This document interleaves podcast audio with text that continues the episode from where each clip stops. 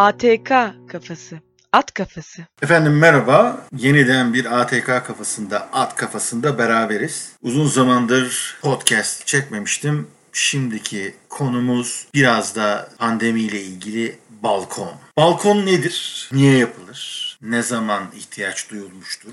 Bunun gibi detaylara gireceğiz. Pandemiyle ilişkisini kurmakta zorlanabilirsiniz. Apartman ortamında yani çok katlı konutlarda balkonun hele hele yaza doğru yaklaştığımız zamanlarda ve karantinada evden bir dışarı çıkış veya bir şekilde komşularla ilişki açısından önemli bir etkisi olduğu ortada. Yaklaşık bir ay önce Sayın Uğur Tanyeli'nin de görüş belirttiği gazete haberi oldu. Balkonları Türkler neden sevmez diye bir şey söyledi. Uğur Hoca katıldığım tarafları var, katılmadığım tarafları da var. Ama bu balkon meselesi öyle basit bir mesele değil. Ekşi Sözlük'te uzun zamandır yazıyorum. Hatta ben ilk nesil Kaçıncı nesil yazar olduğumu da unuttum. Sonra bir sorun oldu. Beni attılar. Ee, niye attılar bilmiyorum. O zamanki moderasyon mu ne oldu falan filan. Beni attılar yani. Ben de bir nispeten küstüm falan. Çaylaklık müessesesi var ve çaylaklıkta 14 bin 15 bin kişi var. 10 tane entry giriyorsunuz. Bu 10 tane entry'yi beğenirlerse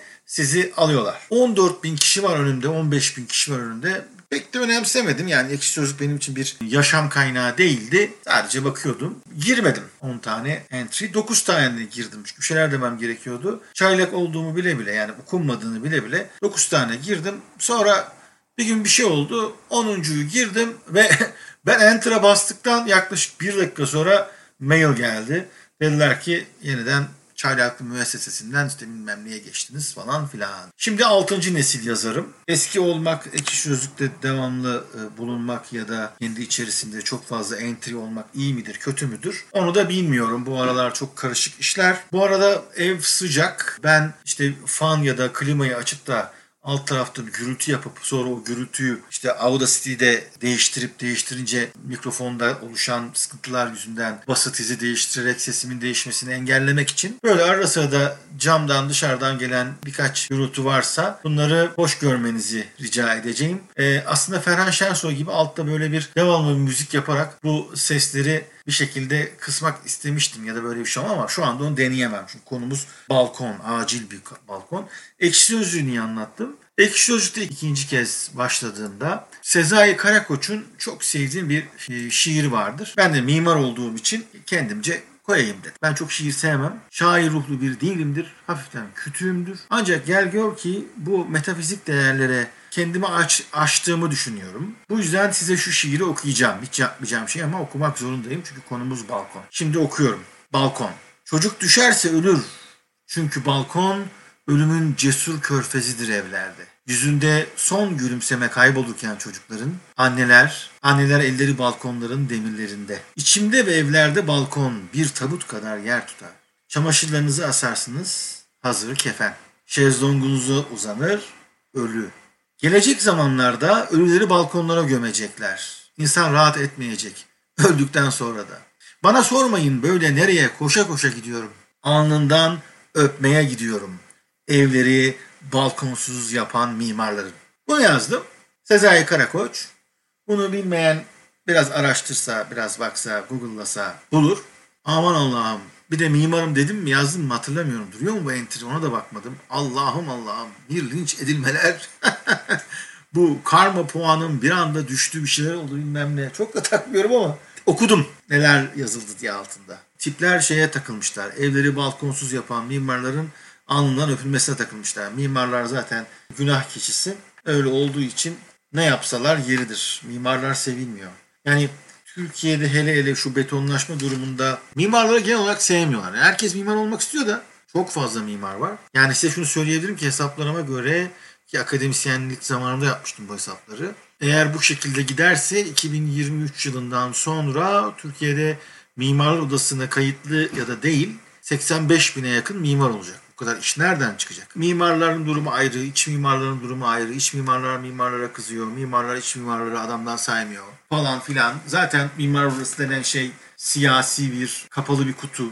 Kimseyi içlerine almazlar. Efendim eğer mimar odasının seçimlerine aday olursan seni dinci ilan ederler. Eski bir partinin elemanları e, gibi böyle solcudurlar ve e, bilmiyorlar ki kedi fareyle oynarmış gibi şimdiki iktidar da mimar burası güçsüz aidat bile toplayamıyor. Hiçbir kanuni hukuki bir şey kalmadı. Deli gibi dava açar. Mimar burasının arasına dava açıp bunu bir sübap gibi. Yani bak bizim iktidarımıza da karşı konuşanlar var. Bakın onları biz kapatmıyoruz, onları hapse atmıyoruz diye mimar burasını hafife alıyorlar. Ama sonra kalkıp da önüne gelenleri e, iddianamesiz, ıvırsız kıvırsız hapse atabiliyorlar gazetecileri. Ama sorsan Türkiye'de basın özgürlüğü yüksek. Yani Türkiye'yi son 5-6 yılını konuşmayalım. Podcast'in kalitesini düşürmeyelim. Şimdi Sezai Karakoç'tan bu balkon şiirini okuduk. Hatta bunu ben anlamını da size açıklamak isterdim. Yani çocuğun düşmesi, ölümün cesur körfezinin evlerde olması, evin açılan ve tehlikeli bir tarafının olması. Ben de hatta bizim şu anda İstanbul'da oturduğumuz ev 1962 yapımı bir ev. Kocaman bir balkonu var. Yani evin iki odasından daha büyüktür balkonumuz. Kapatmadık o balkonu. Ee, ihtiyacımız olup olmadığından değil bir balkon kavramı olsun diye şimdi anlatacağım kavramın ne olduğunu. Fakat parapeti yani bu korkuluğu mu dersiniz? Dedi. Biraz düşük. Hanım çok uğraştı. Dedi ki bunun üzerine demir yapalım. İşte korkuluk yapalım. O daha fena. Çünkü o zaman çocuk daha büyük sıkıntıya düşüyor. Şimdi sarksa sarkamaz da yani yaklaşık şu anda 80-75 santim falan civarında 70-75 santim civarında. Çocuk o yaşta yani kendini balkondan atabilecek duruma geldiğinde oraya çıkar o demire tutarken asıl gidebilir. Demir diyoruz o korkuluk nispeten daha ince uzun ve hiç üzerine basılıp çıkılamayacak gibi olmalıdır. O yüzden diklemesine yaparlar korkulukları. Hiç yatay bir şey koymazlar. Ona basıp da çıkılmasın diye. Yapmadım inat. Telle kapatmayı önerdi. Onu da yapmadım. Kendimce bir koruyucu bir şeyler yaptım falan filan. Sonra çocuklar zaten bizi geçtiler. Şimdi balkonun ıı, bizimle ilişkisi yani düşmek ilişkisi olmadı. Ama Sezai Karakoç bunu biraz pesimist bir durumla ölümlerin cesur körfezi olarak tanımlıyor. Sonra çocuk ölüyor, yüzünde son gülümseme kayboluyor çocuğun. Oo çok ağır. Anneler elleri balkonların devrinde. Yani sadece ilk dörtlük e, dizi film olur. Vallahi olur. Sonra şairin evinde balkonlar varmış ve kendisinin içinde de balkonlar varmış. Ve bir tabut kadar yer tutar. Aslında bu balkonların bu kadar az yer kaplaması, tabutluk olmalarını eleştiriyor bana sorarsanız. Çamaşırlarınızı asarsanız onu da kefen olarak görüyor. Şezlongunuzu uzanırsanız da balkonda tabutta yatan bir ölü gibi olursunuz. İnanılmaz pesimist, inanılmaz olumsuz bir bakış. Negatif. Gelecek zamanlarda ölüleri de balkona gömecekler diyor. Yani aslında öleceğiz de haberimiz yok ve balkonlarda kalacağız. Bu pandemi zamanı karantinada kalıp da artık son zamanlarını hava olarak geçirmek isteyenleri düşünün. Oo fena oldu. İnsan rahat etmeyecek öldükten sonra da. Yani inanılmaz bir gönderme. Ben çok beğeniyorum. Bazıları çok sevmez, çok abarttığımı düşünür ama ben beğenirim. Sonra en sevdiğim dörtlüğe geliyoruz. Bana sormayın böyle nereye koşa koşa gidiyorum. Alnından öpmeye gidiyorum evleri balkonsuz yapan mimarların. yani burada bir evi balkonsuz yapmak gerektiği diye değil. Öyle bir mimarlık yap, öyle bir hale gel ki balkona bir tabut gibi veya çocukların düşer mi düşmez mi diye korktuğumuz bir körfez çıkışı gibi öyle bir ev, öyle bir konut tasarla ki balkona ihtiyaç duymasın, müstakil olsun da, bahçesi de olsun. Çocuklar aşağı arkada bahçede gönüllerince koşabilsinler, oynayabilsinler de anlaşılabilir. Diğer taraftan ekşi sözlük linç takımı, hiçbir boku beğenmeme takımı gibi beni linç etme de durumları. Çünkü sosyal medya içerisinde linç de var. Bakın ileride benim bir defterim var. Hep çalışıyorum. Hangi podcastleri yapacağım konusunda. Mesela linç de bir konu. Biliyorsunuz tek kelimelik konular seçiyoruz. Bunun ismi balkondu. Şimdi balkonun etimolojik tarafına bakalım. Balkon nedir? Örneğin Nişanyan ne demiş? Evlerin sokak yüzleri tarafına şehnişinler ve açık ve kapalı balkonlar inşası mücaz olacaktır. Ve bu şehnişinler ile balkonlar zeminden ekali beş arşun irtifaında bulunacaktır demiş. Düstur 1863 tanımlı bir e, mevzuat olsa gerek. Ve Fransızca balkon bir kirişle ev çıkması, cumba olarak tanımlanıyor. Aslında balkonu balkon yapan taşıyıcısı. Yani aslında Almanca balko bir mertek, kütük taşıyıcı demek. Yani ahşap bir ya da ne bileyim yığma bir binanız var. O en son o döşemeyi yaparken balkon yapacağınız yerin e, yere döşenen o kirişleri, taşıyıcıları dışarı doğru uzatıyorsunuz. Sarkmayacak şekilde işte o ahşabın durumuna göre ya da oraya özel bir ahşap e, seçiliyor. Sonra onun üzerinde bir döşeme gibi yine ahşap konup dışarı çıkılabilen bir durum yaratıyor. Balkon dediği bu tabi balkonun boyutunu belirleyen şey de ne? O kirişin taşıyıcılığı yani kirişin dışarı doğru çıkması. İşte barken, mertek, tomruk yani balko, balk, kalın ağaç gövdesi. Hatta bu bulk denen B-U-L-K balk yani biraz daha kütük, biraz daha kaba anlamında da kullanılır. Yani etimolojisi oradan geliyor balkonun. Bir de Fransız balkonu var. Balkondan sayılmıyor. Aslında yere kadar olan pencerenin bir nevi açıldığı zaman yani böyle bir bir ayak basacak kadar da bir genişliği olması veya çiçek böcek koyarsınız falan filan. Bir de işte balkon konuşması var. Yine aynı konuya gelmiyoruz. Sezai Karakoç'tan geçtik. Bu alanın üstü genelde kapalı oluyor. İşte eskiden evde sigara içilirdi artık içilmiyor. Sigara içme mekanı olarak tanımlayabiliriz aslında. Ancak balkon denen kavram ayrıca sert zeminde demek. Yani evde her taraf parke, bir şey kıracaksınız, bir şey boyayacaksınız, bir tamir yapacaksınız, ortalığın batacağını anladınız. Giderseniz balkona bir gazete kağıdı bir şey serersiniz. Üzerinden de pislik varsa onu yaparsınız. Ne bileyim evin içerisindeki saksıları bile balkonda temizlersiniz. Benim balkonla ilişkim doğduğumuz evde kendimizi bildiğim bileli ince uzun bir balkon vardı. Bu balkonun sonunda da e, bir çamaşır makinesi vardı. Çamaşır makinesi bozuktu. Ama niye atmamışlar bilmiyorum. Kullanılmıyor ama çamaşır makinesi orada duruyor. Çamaşır makinesinin üzerinde bir timer vardı. Böyle çeviriyorsunuz diye. Bız bız diye geri gidiyor yağ ile. Ondan sonra işte çamaşır makinesi ona göre duruyor ya da su alıyor ya da ne bileyim elektriği kapatıyor açıyor. Çok eski.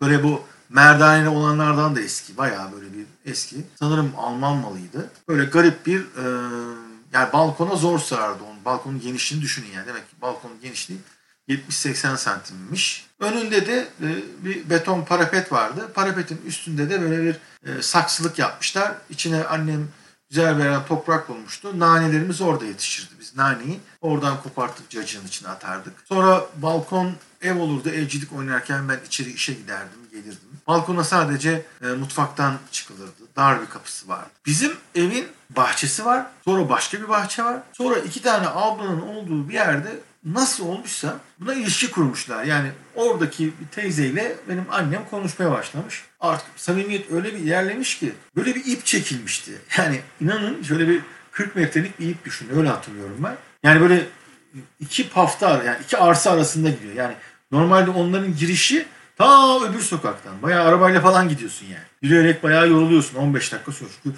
Fındıkzade'de otururduk ve çok sıkışık bir ortamdı. Oradan mesela galiba çamaşır asmak için. Yani balkon yetmediği için babamla onun babası anlaşmışlar. Güzelliği çamaşırı asıyorsunuz. Karşı taraf da asıyor. Aynı anda topladığınız zaman tıkı tıkı topluyorsunuz. O böyle dönen bir şey yani. Çektikçe makara var iki tarafta makara. O makarayı çektikçe geliyor. Tabii bu şey işleri, çamaşır asma işleri artık sonra şeye dönüştü. İşte kısır gönder, helva yaptık, helva gönder, aşure gönder. Böyle bir çengele, çengele bir şey asılıyor. Bizim bize yoğurt böyle e, toprak kaplarda gelirdi. Kaymağın üzerine saman kağıdı koyup o saman kağıdı lastikle tuttururlardı. Öyle o çok güzel. O böyle ıslanırdı. Üzerindeki pisliği alıp atardın. Kaymağını yerdin. O lastikler güzel lastik olurdu. Ondan annem başka şeyde kullanırdı. Ben de o çamaşır makinesinin o döndürme zımbırtısıyla uzaya gider gelirdim. O benim uzaya gitme aracımın en büyük düğmesiydi. O kadar da minimaldi ki o zaman iPhone'u gibi tek bir düğmesi olurdu. ya bununla ilgili bir şey yazmak lazım. Neyse sonra o ablalarla biz onların evine gittik. Onların evine gidip de o balkona çıkıp bizim balkonu gördüğüm zaman ilk kavramsal olarak mekanların nasıl farklı göründüğünü anlamıştım. O zamandan mimar olacağım belli miydi ya da o mu beni etkiledi de böyle oldu bilmiyorum ama bakış açısının mekanlara olan yaklaşımını nasıl değiştirdiğini o zaman çok iyi kavramıştım. Ve onların balkonundan bizim balkona bakışta bizim balkonumuzdan onların balkonlarına bakış çok acayipti. Sonra iki balkonu olan Merter'de bir yere taşındık. Bu böyle e, demirleri falan çıkma demirden yapılmış çünkü parasızlık zamanında yapılmış. Dümdüz balkonlardı. Mutfağın da balkonu vardı. Tüp konurdu balkona. Şimdi balkonun biraz önce anlattım sert zemin olmasından ötürü tüple de ilgisi var. Yani evde gazı evi doldurduktan sonra patladığında evi apartmanı aşağı indirmesin diye o zaman güvenli de değil. Yani tüpçü getirir, tüpü çakmakla kontrol eder o zamanlar. Böyle olduğu için balkonda dururdu. Ve balkon, mutfak balkonu düşük olurdu, daha ufak olurdu. Gerekse arkada bir balkon yapılırdı. Bizim iki balkonumuz vardı öyle. Salondaki balkona pek çıkılmazdı yani. Salondaki balkonda pek fazla durulmazdı. Orada postacı geldi bir şeyler bıraktı. Ben de şu anda müstakil bir evdeyim yani. Hemen arkamda Amerika'da, San Francisco'da, San Francisco'nun banliyosunda bir yerdeyim. Buranın balkona ihtiyacı yok. Ön tarafta ya da arka tarafta oturabiliyoruz. Barklık yerimiz var ama tabii bu da değişik bir şehircilik. O da anlatılabilir. Sonra balkondan sonra Göztepe'de, Bağla Caddesi'ne yakın bir yerde 3 tane kocaman balkonu olan bir ev. Yani öyle anlamsız, öyle gereksiz balkondu ki bunlar. Süslü püslüydü. Galiba biz böyle alt katta olduğumuzdan ötürü o kata iki daire sığmış. Yukarıda dört daire var. Üç daireye yapamamışlar. Öyle balkon çözmüşler. Balkon çözünce de galiba imar durumunda orası bir alan sayılmamış. Şimdi burada Türkiye'deki balkon kavramının kaybolmasının bence en büyük sebebi müteahhitler. Mimarlar da değil. Çünkü artık kabul etmek lazım ki balkondaki metrekare evin metrekaresine sayılıyor. Yani şöyle 1000 metrekare bir arsanız var. İşte atıyorum 207 bir imar var. Kat alanları e, sayısı KAKS diye geçer. 207'dir. Niye 206 değil? Niye 2 değil? Niye 2.1 değil? Onu da bilmiyoruz ya. Neyse 207 1000 metrekare yerim varsa 2070 metrekare toplamda bina yapabiliyorsun. 200 metrekareden 10 katlı yapabilirsin. E, çıkma mesafe, çekme mesafelerine göre, ıvırlara, kıvırlara göre ince uzun bir bina da yapabilirsin. Güdük bir şey de yapabilirsin. Bu sana kalmış bir şey. İşte ince uzun bina yaparsın asansör giriyor ama asansörün sadece bir katta metrekareden sayılıyor. Yangın merdiveni sayılmaz. O sayılmaz. Mevzuat devamlı değişti. Balkonlarda mevzuata girdi gireli metrekareyi büyütmek için mimar cağızlar, müteahhitler istiyor diye bu balkon olayını artık öyle bir duruma geldi ki yere kadar pencerenin önünde 30 santimden daha büyük olmayan yere balkon bile denmemeye başlandı. O metrekareye konulmamaya başlandı ki odalar büyüsün. 2 artı 1 olan ev 3 artı 1 olsun bir banyo çıksın. İşte yangın kaçış rolü diye bir kol vardır. Yani yangın merdiveni çıkış böyle tek bir kapıdan olmaz. Bir yere girersiniz. O da yaklaşık 5-6 metrekaredir. Sonra oradan çıkarsınız. O 5-6 metrekarelik yerler ve tesisat çekildi. Oralar ikinci ebeveyn tuvaleti oldu. Yangın sırasında bir giriyorsunuz. Duşakabinin yanından falan çıkıyorsunuz. Böyle garip garip işler yapıldı. Oralara millet çamaşır makinesini koydu. Efendim balkonlar kalkınca kurutma makineleri satılmaya başladı. Yani beyaz eşya ile balkon da korelasyonludur. Yani balkon olmadığı için beyaz eşyalarda böyle bir durum var. Yani kurutma şekli şemaili değişti. Balkonda durmak, balkon sefası yapmak, akşam yemeği balkona çıkarmak yavaş yavaş kalktı. E, sinek, sivrisinek de gani gani zaten. Şimdi mesela bizim oturduğumuz yerde e, İstanbul'daki evimizde 1962 model 3 katlı bir evin en üst katındayız. Balkonumuz çok büyük gerçekten. Bayağı büyük. Ve balkonumuzu saran bir manolya ağacı var. Manolya ağacı normalde iki kattan daha fazla olmaz. Yani 10-12 metreye geçmez. Bizdeki yani 15-20 metreyi geçiyor. Çok büyük. Beylerbeyi Sarı'ndaki Manolya'dan bile daha gövdeli. Onu kesmek istedi sevgili okumuş, uygar, medeni Fenerbahçe e, ahalisi, evimiz çevre. Çünkü sinek yapıyormuş. Bir kokusu da var. Güzel bir kozalağı da var. Kokusunu pek tutmuyoruz ama sinek çekiyormuş. Çekiyor evet. Ve onu kesmek istediler. Kökü de bizim yerde yani. Normalde kesiyorlar. Ben tabii kıyameti kopardım.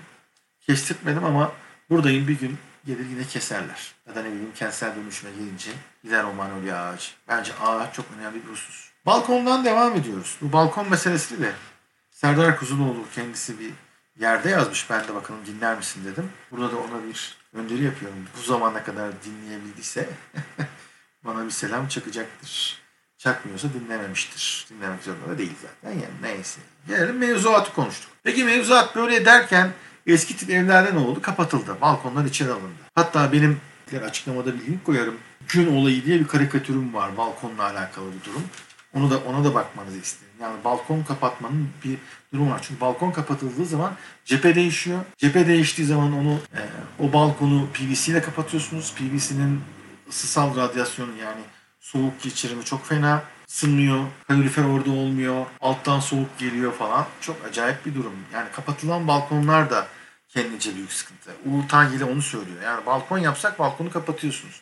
Ama bu pandemi zamanı balkonun değeri ortaya çıktı. Zaten arka taraftaki balkonlarla bir community olduğunu, bu Rear Window gibi Hitchcock'un bir filmi vardır. Rear Window diye hatta onun böyle mimari çözümlemeleri falan yapılır. Bir adam işte ayağı kırılıyor. Her gün sıkıldığı için evde sabahtan akşama kadar bir günle arkayı binaların arka taraflarına bakıyor. Yani o arka bahçeye bakıyor ve orada bir şeyler yakalıyor kendince falan. Böyle bir filmdir bu. Seyretmenizi öneririm. Aynı şekilde İtalya'da da pandemi sonunda başında patladı İtalya sonra düzelirken de millet balkonda Arya falan söyledi. Birbirleriyle öyle bir marş falan söylediler. Şarkı söylediler. Balkon olduğunu ve balkondan bağırıldığı zaman karşılık bulunabildiğini, evin içinin dışın, evinin içinin dışına çıkarıldığında bir karşılık bulunabildiğini, bir şehir hayatında olabildiğini gösterler ki biz işte bu balkonda tencere, tava çalma, ışığı söndürme konusunda şeyler yapmıştığımız vardır. Yani Türk halkı olarak pasif bir eylem ölçüsüdür balkonda tencere, tava çalmak. O da biliyorsunuz dalga geçiriyor. Yani balkon denen kavram evin e, evin kontrollü körfezidir. Yani Sezai Karakoç doğru söylüyor. Balkonsuz ev yapan mimarlara kızmaktansa o balkonun işte çocuğun düşmesi, tabut olması, şezlongda ölü olmak ya da tabut kadar ufak bir detay yani balkonların aslında yani bana sorsanız Sezai Karakoç bu şiirine ne demiş? Hayvan gibi balkon yapın ya da balkona gerek kalmasın müstakil evlerde oturun demek istiyor. Ama tabii bunun mümkün olmadığını biliyoruz. Çünkü bayağı bir para istiyor. Para istese bile örneğin mesela ben ne demiştim San Francisco'dayım. Burada banyo gibi bir yerdeyim. En yakın 3 katlı bina yani shopping malllarda bile yok. Yani çok uzakta bir yere gitmem lazım ki Palo Alto'ya falan gitmem lazım ki 3 kattan fazla ya da San Jose'nin merkezine gitmem gerekiyor ki en uzun binayı bulayım. Yani burası böyle köy yeri gibi. Fakat burada da arabaya muhtaçsınız. Bisiklette de bir yere gidemiyor. Bisikletle gideyim de bir alışveriş yapayım geleyim olmuyor yani. Çok uzak. Ve bisikletiniz olduğu zaman elektrikli bisiklet olmak zorunda falan filan. Arabaya zaten muhtaçsınız ve bir evde 2-3 araba, 4 araba. Arabaların park edilme durumu. Felaket. Yani, yani apartman daha çevreci. Apartmanda 20 daire tek bir yalıtıma hem yere hem de yukarıya yalıtıma ihtiyaç duyan bir yerde oturuyor. Kanalizasyon boruları bu kadar artmıyor. Ee, bu kadar çok çatı yapılmıyor falan filan. Ama tabii balkonun pandemiyle ilişkisini yine kurup temiz hava almak, mangal yapmak. Alttaki mangal yapıyorsa yandınız. Yani sizin çamaşırlar simsiyah olur. Yıkamışsınız. E komşu bu ne diyeceksiniz? Üst alt komşuluk, yan komşuluk, balkonla olan ilişki, iki balkon konuşması, balkonların karışması. Yani evin mahremiyet haliyle kamusal alana açılımında bir ara geçiş balkon. O yüzden bazı dertleri ve kazanımları var. Ve balkon denen nesne ya Sezai Karakoç'un şiirinde olur ya da pandemi zamanında konuşur. Yahu öyle bir cümle ettim ki bunun üzerine konuşmam lazım. Çok güzel oldu. E peki. Neyse diyeceğim de bir şeyler vardı ama kapatıyorum efendim. Güzel cümle ettim. Bir daha söyleyeyim bari. Ne diyorum biliyor musunuz? Balkon mahremiyetle ortaya konan bir yaşam stilinde, bir sıkışık stilde mahremiyetin kamusal alana yani selamlığa doğru açıldığı ufak da olsa ara mekandır. Ve bu mekan o kadar özel, o kadar önemlidir ki zamanında 2 metrekare yer kazanacağız diye içeri aldığınız balkon veya gereksiz çamaşır makinesini, araba lastiğini koyduğunuz, atamadığınız şeylere koyduğunuz, rezil ettiğiniz yer veya pis işleri yaptığınız yer, sinekten rahatsız olduğunuz yer sadece iki durumda hayatımıza girer. Bir Sezai Karakoç şiirinde, bir de pandemi zamanında. Bir dahaki podcast programında görüşmek üzere. Bizden ayrılmayın, abone olmayın falan burada denmiyordu. O YouTube'da deniyordu herhalde. Yani yine orada da demiyorum ama yine bizde olmaya devam edin. Tek kelimelik podcastlerimiz devam edecek. Serdar dinledin mi?